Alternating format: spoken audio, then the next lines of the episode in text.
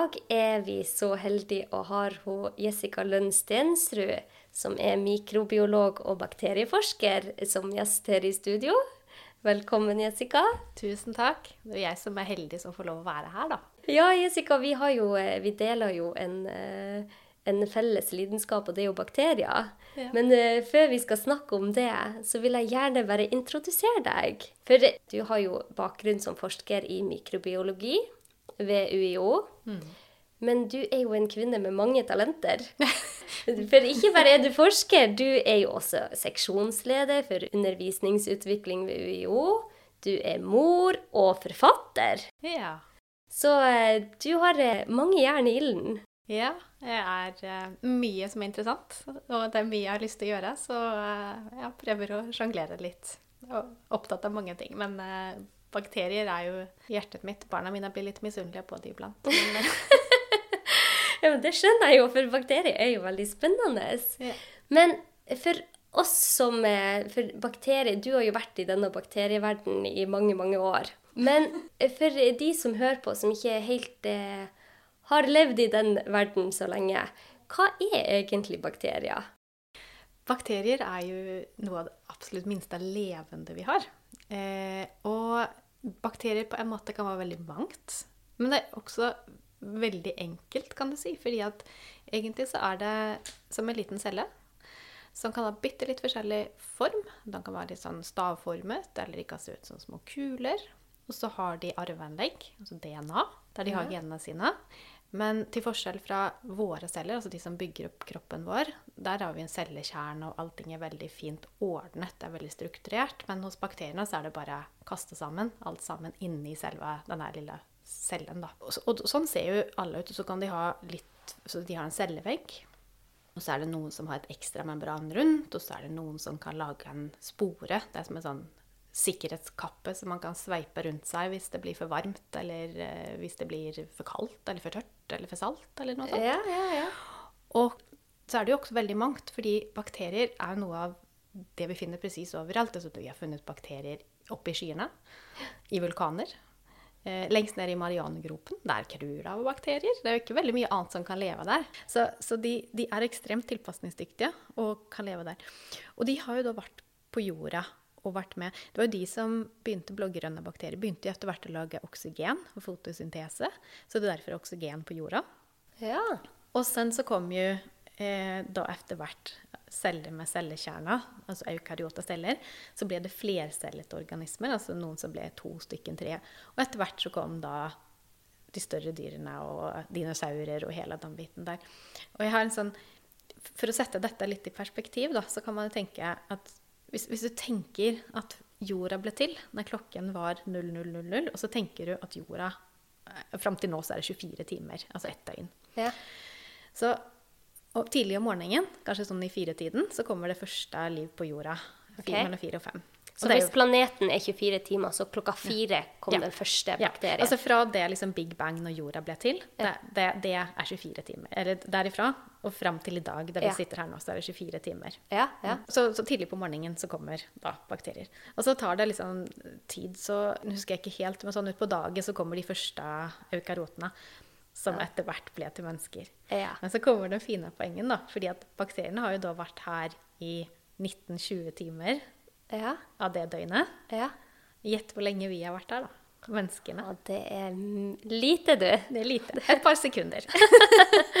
Så et par sekunder har vi levd her. Ja. ja, ja. ja. Og det er jo akkurat det, fordi det er jo bakterier, og sånn har det utviklet seg til nye ting. Så vi har utviklet oss derifra. Så hele denne utviklingen har jo gått med alt det andre til stede, også bakterier og allting, hvordan jorda endret seg og sånt. Så vi har jo blitt til det vi, da, vi er i dag, i samspill med alle andre levende vesener, inklusive bakteriene her. Så det, det er jo ikke noe rart at vi er dekket med bakterier, fordi bakterier er overalt. De dekker alt. Så de, er, de, lever overalt. Så det er klart at vi er dekket i bakterier også. Ja, nettopp. Men eh, det har jo vist seg det at liksom bakteriene, siden vi har utvikla oss med de, så har jo de beskytta oss. Så vi trenger de. Og hva skjer egentlig? Hva du tror skjer nå når vi, barna våre og vi lever i et så bakteriefritt samfunn? For vi tar jo ikke bare virusene som vi er redd for, men også bakteriene. Eh, altså akkurat håndvask og sånt er jo på en måte viktig for å holde oss friske. Og på hendene så har man sett ganske mye at de få bakterier Der har man ganske lite sånn normalflora, altså dvs. Si bakterier. Og de som, er, de som sitter der, av vår normalflora, de sitter ganske godt festa til cellene.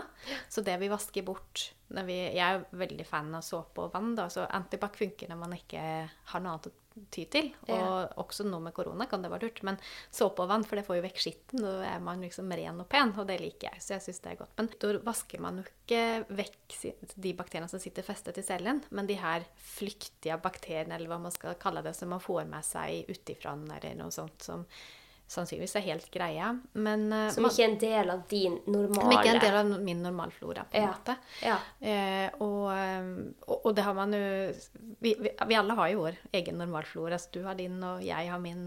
Det fins en ganske kul studie der man kan man ser på familier.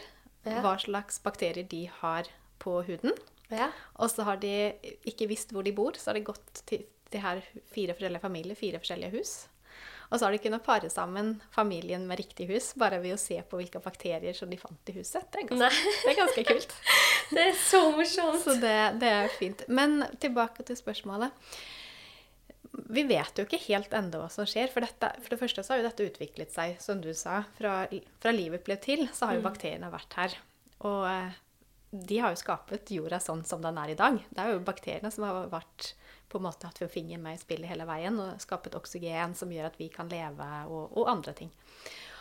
Og vi har jo utviklet oss til å bli mennesker hele evolusjonen med bakteriene rundt omkring oss til stede hele tiden og har funnet denne balansen for, for hvordan ting skal fungere, så at de ikke dreper oss, og vi ikke dreper dem. Det har jo vært en balansegang hele veien. Ja. Og så nå Eh, så er det jo mange forskere som roper varsku og sier at det skjer ting. Man ser at man har færre arter i tarmen, ja. f.eks. Mm. Eh, at man har endret normalflora på huden. Mm. Men det er jo ganske nytt. Even om vi har snakket om dette og forsket på dette i ja, 10-15 altså, det, har, det har jo kommet litt mer og mer og mer. Så er dette et helt nytt forskningsfelt. Og jeg pleier å tenke litt på det som Eh, hvis, du, hvis, du, tenker et isberg, så vet du at sånn 10% kan du se, og resten er jo gjemt under vannflaten. Og jeg tror at vi ser måte overflaten av isberget. Så vi, det er så mye vi ikke ser, fordi at allting henger så fint sammen. Så even om vi ser at vi har færre arter av bakterier i tarmen, så vet vi ikke helt hva det, hva det betyr til syvende og sist. Nei. Men man ser jo en del sånne tendenser før hva som kan være. For eksempel så, så, så, er det jo allergi og astma er jo en ting som man har satt sammenheng. Det henger jo sammen med trening av immunforsvaret.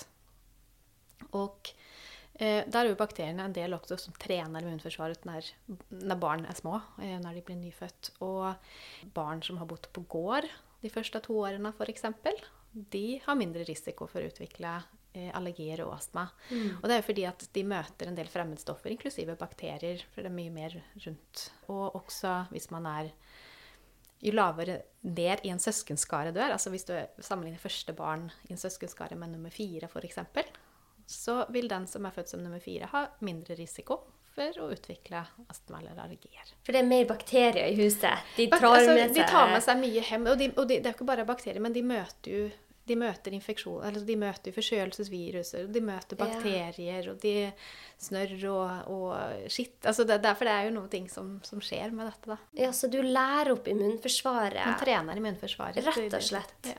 Um, vi, altså, vi, snakker jo veldig mye om hvor viktige bakteriene er. Og det er jo, det er jo egentlig en av grunnene til hvorfor jeg sitter her òg. Fordi at jeg forsker jo på antibiotika, eller ja. alternativet til antibiotika. Fordi at antibiotika er jo den medisinen vi har de gangene vi får en bakteriell lungebetennelse f.eks., eller når ting faktisk går skeis med bakterier. Og hvis vi ikke har det, da er vi jo tilbake til den tiden der vi risikerer å dø av et kutt i fingeren eller av en lungebetennelse som vi egentlig ikke er så redda for i dag. Eh, og eh, hvis man da ser på antibiotika og bruken av antibiotika, så har det vært så lett å bruke det, for man har aldri tenkt på at bakterier kan være nyttige. Og derfor har vi drept det, fordi en, en død bakterie er en god bakterie. Ja. har man nok lenge, lenge, lenge tenkt etter at man ja. fant antibiotika. Men så viser det seg at det kanskje ikke er tilfellet helt. Og det er jo det som er veldig spennende med antibiotika. For jeg tenker også at vi har, Jeg har jo snakket om det i mange, mange år, at for å kunne ha antibiotika tilgjengelig, for å kunne redde liv, så må vi bruke det mindre. Og da må det til en holdningsendring. Dvs. Si at vi må ta oss tid til å være syke. Vi skal ikke gå til fastlegen og ville ha antibiotika før at barna skal komme seg fortere på skolen, så vi kan komme oss på jobb, eller tvert om. At vi skal komme oss fortere på jobb. Og det tenker jeg også er viktig, for jeg håper virkelig at vi tar med oss, no, altså, tar med oss det vi har lært av håndhygiene og, og det her å faktisk bli hjemme for ikke å smitte andre. Mm. Også for å, for å komme oss For at vi blir faktisk fortere friske Ja. hvis man tar det med ro. ja. Men eh, Jessica, hvorfor ble du egentlig så interessert i bakterier? Ja, det, det er jo det, det er litt eh, sånn Både en lang og kort historie, kan du si. Eh, mammaen min jobbet på laben på sykehuset da jeg var liten. Og jeg syntes det var så fascinerende, for de satt i mikroskop og telte celler. Fordi at hun, de tok blodprøver. Og jeg syns det var så fascinerende, så jeg, jeg gikk veldig ofte dit istedenfor å sitte og se altså Istedenfor ute og leke eller noe sånt. Så jeg syns det var mye mer koselig å sitte på laben og telle blodceller, se på hårstrå. Det var sånn helt nerdete, og jeg syns det var så kult. Eh, og der satt jeg. Men jeg tenkte jo aldri at det skulle bli jobben min etter hvert. Men det var, det var sånn oppveksten min. Jeg husker mammas altså, de høye stolene, og så sitte og se ned i mikroskop og ta, finne hårstråene, eller se på gamle prøver til mamma, og så fikk man sitte og telle. Det var kjempekult. Så det kom litt inn med morsmelka. Det kom litt inn med morsmelka, men så gikk det ganske mange år. Så gjorde jeg mye annet i mellomtiden. Og så fikk jeg muligheten, eh, når jeg flytta hit til Norge, å jobbe sammen med en av eh, pionerene på det her med biofilm. Altså at bakterier lever ikke én og én, utan de lever sammen, flere, eh, og samarbeider med hverandre. Et kjempespennende prosjekt der man skulle se på For bakterier, de snakker sammen. Akkurat som cellene i kroppen vår snakker, så snakker de sammen. De bruker signalmolekyler. Ja. Og man kan bruke det mot dem for å få dem til å ikke snakke sammen. For da vil de heller ikke kunne lage giftstoffer, f.eks. ja. Så jeg eh, ble dratt inn i dette prosjektet med Anne Omdal Skeie, som var veilederen min. Veldig spennende. Og fikk også muligheten til å ta doktorgrad på det samme prosjektet. Så jeg drev jo og forsket på alternativer til antibiotika. Leste jo egentlig om det her hver dag eh, i mange år. Eh, og startet doktorgraden min i 2006. Men det slo meg aldri egentlig at det var jo ganske skummelt, det jeg holdt på med. Og det er jo en ganske skremmende virkelighet å stå i en verden uten antibiotika, men det slo meg liksom ikke at det var noe, fordi jeg var ikke så bekymret for det. Og så i 2009 så fikk jeg barn. Den første av datteren min. Og eh, jeg husker fortsatt den dagen i dag. Det var en dag i september. Og hun lå i vogna sin på balkongen og sov. Mens jeg satt og leste på eh, PC-en på sånn forskjellige nyhetsoppdateringer fra Sverige og Norge. Jeg kom jo fra Sverige, så jeg leste, så hva som skjedde der òg. Og da var det en overskrift, og det var som om noen slo meg i magen. Det står tre for tidlig fødte barn i Sverige hadde dødd av eh, bakteriell infeksjon. Og bakteriene var resistente mot antibiotika. Og det er jo, for tidlig fødte barn er jo i utgangspunktet veldig sårbare, for de har jo ofte et immunforsvar som ikke er utviklet, og de er veldig, de er veldig utsatt for, eh, for infeksjoner. Men at bakterier var noen ting jeg skulle være redd for. Det hadde, for det er jo ganske skummelt å bli mamma. Altså, det er så mange ting du helt plutselig skal Du vil jo bare beskytte det lille knyttet mot alt skummelt i hele verden. Ja, ja. Kjenn meg igjen. Ja, men det er jo sånn. Og du, og du, du, du føler deg så ansvarlig og sånn.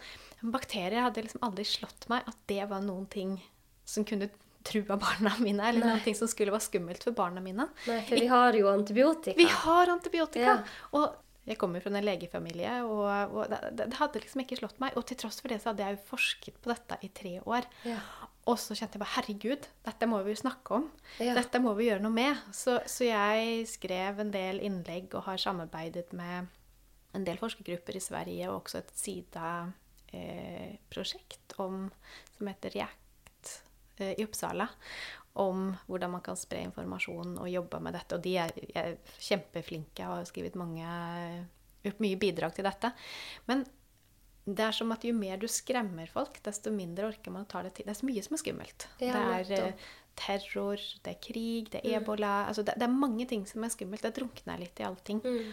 Og så midt oppi dette, så plutselig så skjønte man jo at kanskje det har noe mer, altså kanskje det har en enda verre effekt, det her med antibiotika. Ikke bare det at vi bruker det så at vi mister effekten av det, men dreper vi noen bakterier også? Jeg, jeg hadde liksom aldri tenkt på at jeg var dekket i bakterier, hele, hele meg, liksom. Nei.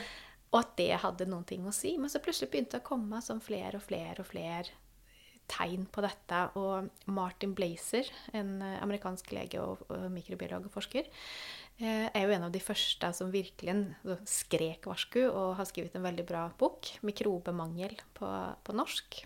Mm. Og eh, han snakker akkurat om det her. Hva gjør det f.eks. med barn når de får antibiotika tidlig? Hva gjør det? Men det er liksom de første tegnene. Men dette er jo noe helt nytt. Dette er jo noen ting som vi ikke har sett på før. Nei. Så vi har liksom begynt å skrape litt på overflaten og se hva dette kan ha for betydning. Da. Men da innså jeg det at det funker ikke å si til folk 'Hallo, slutt å bruke antibiotika. Slutt med dette. Ikke gjør det', liksom. Nei. Og dette er dritskummelt. Og vi, vi, har, vi har ikke et helsevesen hvis vi ikke slutter altså Hvis vi ikke har antibiotika, så kan vi ikke fortsette. Altså, nei, vi kan ikke behandle kreft. Vi kan ikke gjøre ting.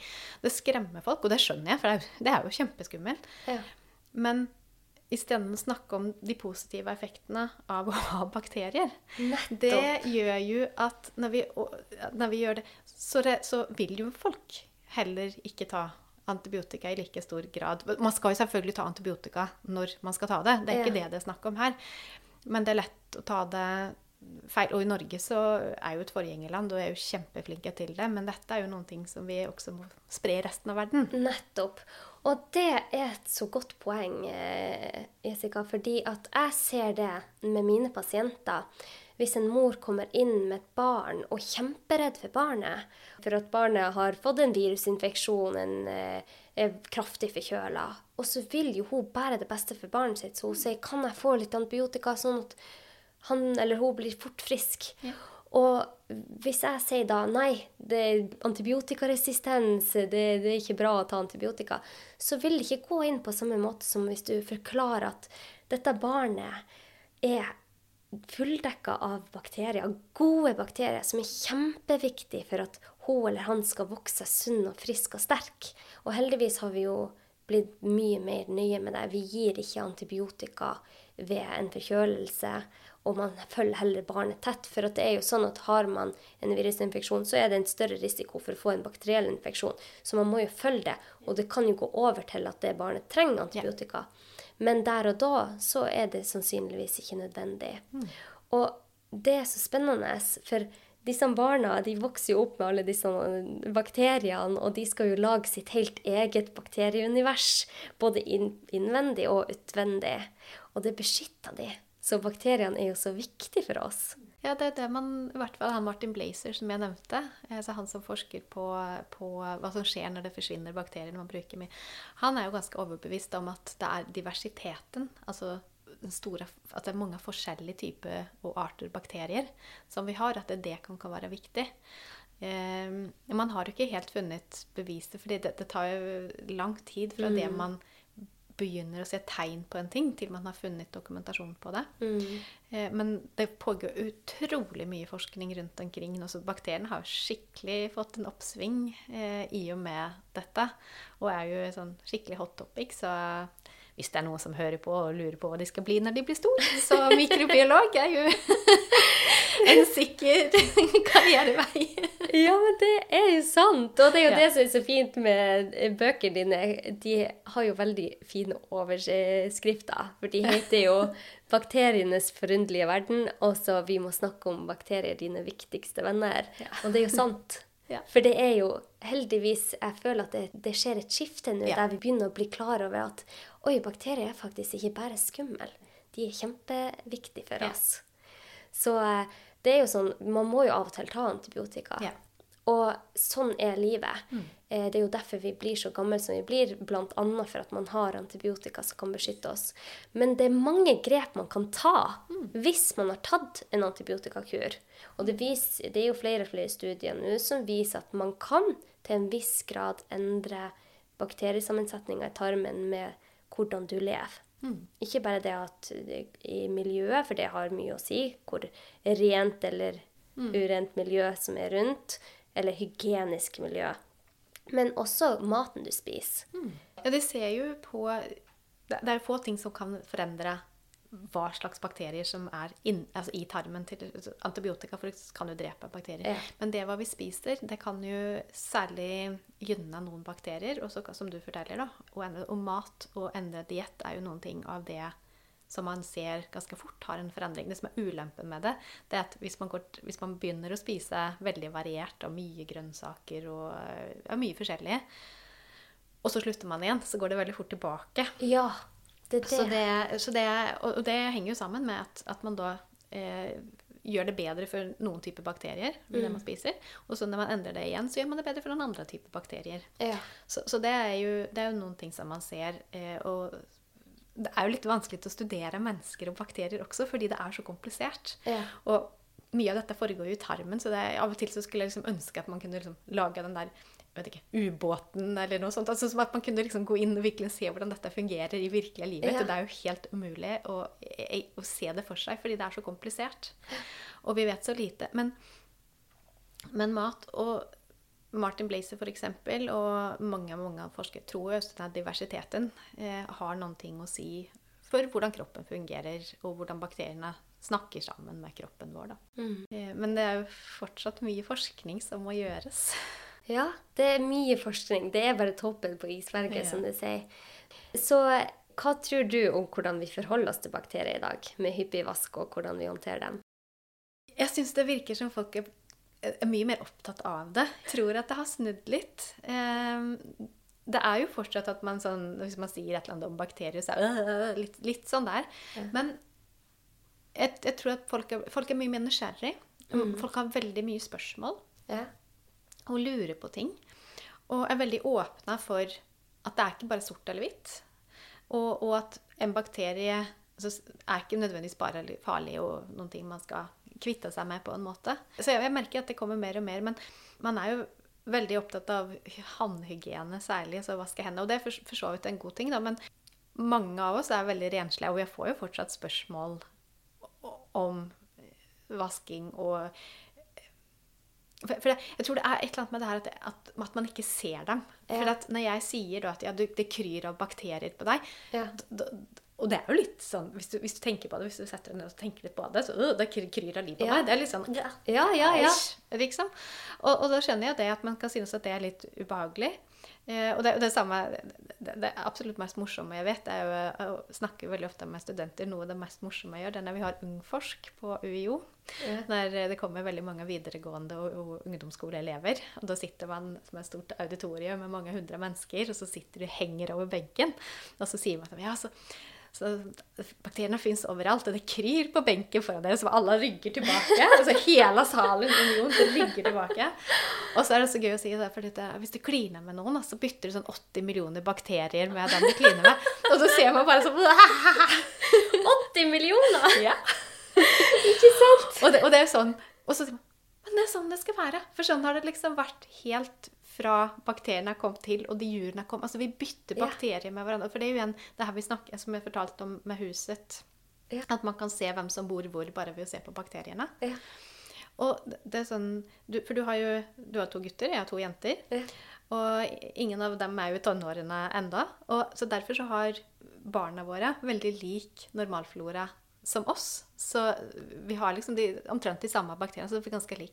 Men sen, da, når barna våre blir tenåringer, så begynner de å gå ut, de får seg kjæreste og kline med noen, da. Ja, ja. Da begynner de plutselig til å lage sin Ikke bare det at de liksom frigjør seg fra oss, men de får også sin egen normalflora og begynner liksom å bygge sin egen bakterieprofil. Er ikke det fascinerende?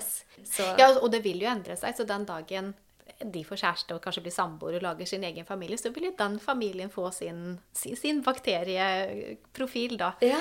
Og den er jo like individuell som et fingeravtrykk, så man, man forsker jo også på om man kunne ha brukt av, altså bakterier, se på hvilke bakterier som man lar være igjen på en kriminalsak, da. For å se om man kan pare sammen på den Nei. måten, og se på DNA, altså arveanlegget fra bakterier og sammenligne. Det er veldig interessant. Så det er også ganske spennende. Jeg, jeg pleier å tenke på min normalflora, altså mine bakterier, som min usynlige superrustning. Altså det er liksom min bakteriesky som er med og holder liksom Man sier jo ofte at huden er den første liksom, sånn barrieren, men Ja. nei, bakteriene mine er den første barrieren Ja, som de liksom skal igjennom, ikke sant? Og, og jeg vil gjerne passe på at de er der, og har de der, så, så at de kan ja, beskytte meg. Så, og så hvis det skjer, så hvis du får et kutt i, i armen eller noe sånt, da har du plutselig en åpning inni kroppen, så da blir det noe helt annet. Men så lenge du har liksom, en intakt kropp, og sånt, så er bakteriene ditt første lag ut mot virkeligheten. Ja, så da går vi nesten over til det. Vi lever med de bakteriene, og de har en funksjon. Ja, Så det, vi vil jo mange ta av de har en, veldig, har en funksjon. Det er mening med at de er hvor de er. ja. Og, um, og det er jo det vi per i dag ikke vet så veldig mye om. Og derfor også Eller må, må finne ut av mer for å vite hvordan allting henger sammen. Ja. Kroppen vår er jo ganske kompleks, så det er jo mange ting som styres av kroppen. Og bakteriene spiller sikkert en ganske stor rolle der òg. Og man kan kanskje ikke se på de én og én, for når vi plukker de ut og forsker på én og én på laben, så vil de sannsynligvis oppføre seg helt annerledes enn hvis de er sammen med andre bakterier. Så her, hvordan oppfører seg bakteriene sammen med hverandre, og hvordan påvirker de hverandre. Og sen i tillegg, hvordan oppfører de seg med våre celler, med våre kropp, vår kropp, og alle våre funksjoner. Det er jo, det, det er jo veldig komplekst. Så hva tenker du egentlig om framtida, og hvordan vi ser på det? For det, vi snakka om naturen i en tidligere podkast, hvor viktig det er å ta vare på naturen, så naturen kan ta vare på oss. Men eh, når jeg snakker med deg, så tenker jeg det er viktig å ta vare på naturen og bakteriene, så bakteriene og naturen kan ta vare på oss. De er jo en del av naturen. Så hva tenker du om framtida? Tror du vi kommer til å ha mer og mer fokus på disse bakteriene? Jeg tenker veldig sånn som deg, at vi på en eller annen måte må finne ut av Altså forstå mer av prosesser, og forstå mer av hva bakteriene gjør, og hva de ikke gjør, i det store. Og da um, vi, vi blir bedre, bedre, og bedre på det, men, men kanskje løfte blikket og så se at alt, allting henger jo sammen. For Ja. altså, naturen henger sammen. Eh, Hele jorda er jo et ene stort økosystem, og så når man zoomer inn og zoomer inn, og så ser man på en i sjøen så er det et økosystem. Og så zoomer man ned til en sølepytt, så er det et økosystem der også. ikke sant? Ja. Men ting påvirker altså Fryser sølepytten, så skjer det noen ting i hele systemet. ikke sant? Ja. Og det, og det er noe med det Så jeg har absolutt troa, fordi det skjer jo, hvis vi nå fokuserer på bakterier altså Det skjer jo så masse, det er så masse spennende forskning. Igjen, jeg skulle ønske at jeg var 20 år igjen, fordi at det, jeg skulle blitt mikrobiolog igjen. Fordi at det, det er så mye spennende som skjer. Og det, jeg, så man vil være med på det her med at bakterier snakker sammen. For 15 år siden så var jo det wow, og nå er liksom bakteriene snakker med våre celler. Bakteriene styrer kanskje om du blir deprimert eller ikke. Ikke for at det er de Ja. som gjør det, men all denne forskningen som skjer Vi har jo begynt å skrape på overflaten, tror jeg, Ja. av alt det her som faktisk skjer. og begynner å få en sorts forståelse. Vi vet hva slags bakterier vi finner hvor på huden, f.eks. Ja. Og hva slags bakterier som holder til i tarmen, hva Ja. slags bakterier som liker seg hvor. Det er ikke lenge siden vi trodde at E. coli var hovedbakterien, fordi det var de vi klarte å dyrke fra tarmen. Men nå vet vi fordi at vi kan se på DNA, så vi kan se på arveanlegg, Ja. hvilke bakterier det faktisk er. Og da ser man en helt annen forandring. Så ja, for at man kunne se E. coli, for at de tålte de tåler oksygen, så Ja. de kan du dyrke på laben enklere. Mens de andre bakteriene de døde med en gang det kom noe Ja, for de tåler ikke det. ikke sant? Altså, vi går jo hele tiden framover, eh, og vi Ja. lærer mer og vi lærer mer. Ja. Og jeg tror vi blir flinkere også til å sette ting i sammenheng. Altså det her store sammenhengene. Det, det, det har jeg troa på, og det, og det tror jeg er kjempeviktig. Og så tror jeg også det her å ta Stole på kunnskap. Altså jeg jobber jo altså dels som forsker, men jeg jobber jo også på universitetsbiblioteket. Ja. Jeg pleier å se på oss som en sånn eh, ressurs for kunnskap. Altså vi, vi, vi, sitter, vi har all kunnskapen, for vi samler jo all forskning og allting hos oss.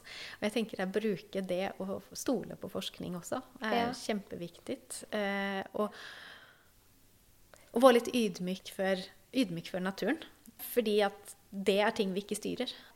Jeg tror du er veldig inne på noe, og det er derfor jeg er så glad for at det forskes mye på bakterier. Hvordan bakterier ikke bare fungerer i økosystemet, men hvordan det fungerer for oss. For det er ikke lenge siden, når jeg gikk ut av, eh, av medisinstudiet i 2013 var jeg ferdig, og vi snakka veldig lite om tarmbakterier. Og nå er det tarmbakterier og snakk om det i nesten alle greiene innenfor medisin, for at man har sett en link med å ha en dysbiose, altså en ubalanse i tarmen, og linka opp til utrolig mange sykdommer nå.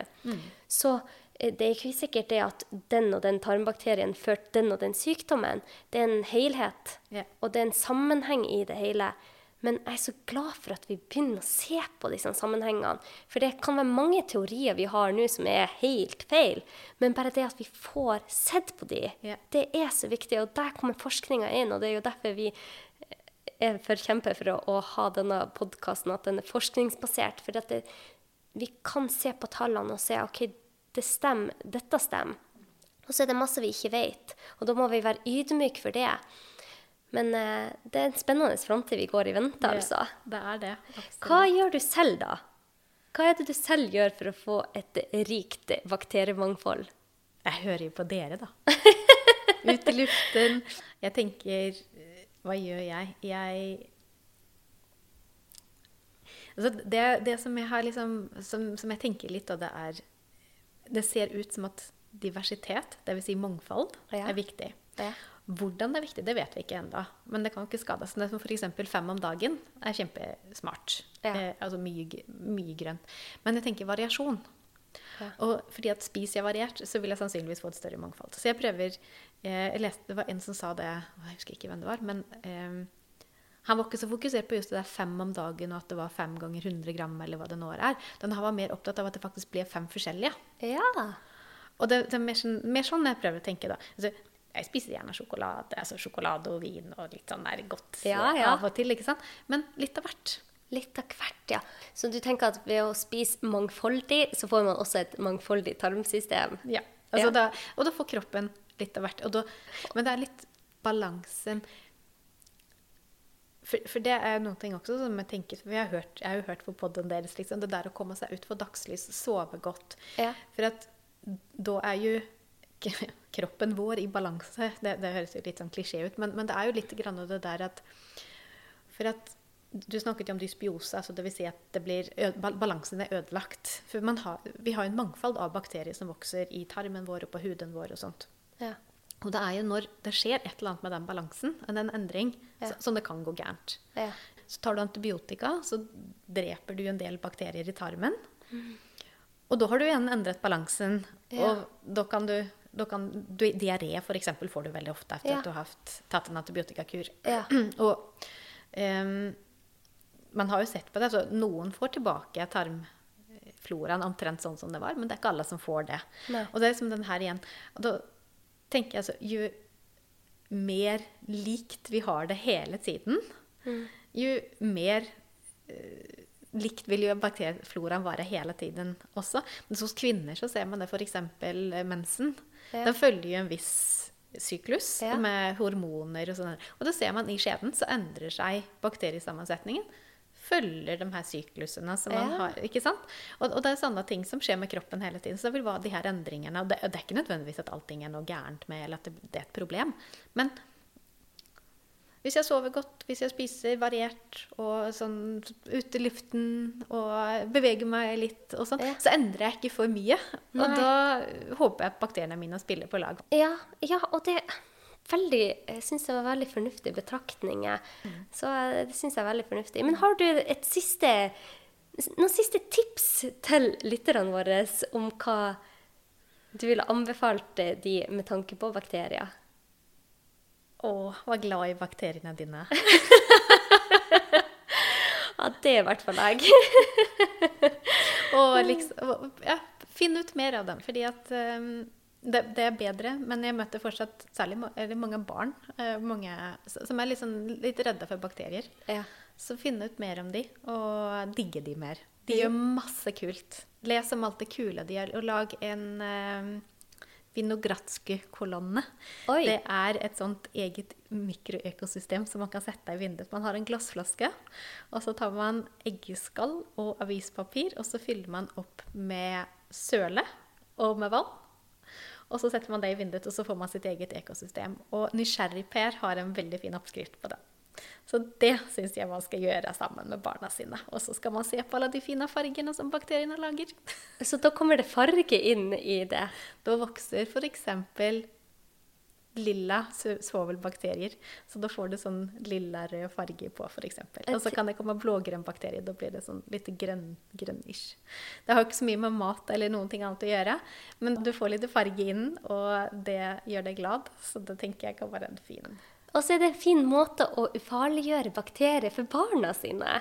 Så det er kanskje en måte. Hva var det du kalte det?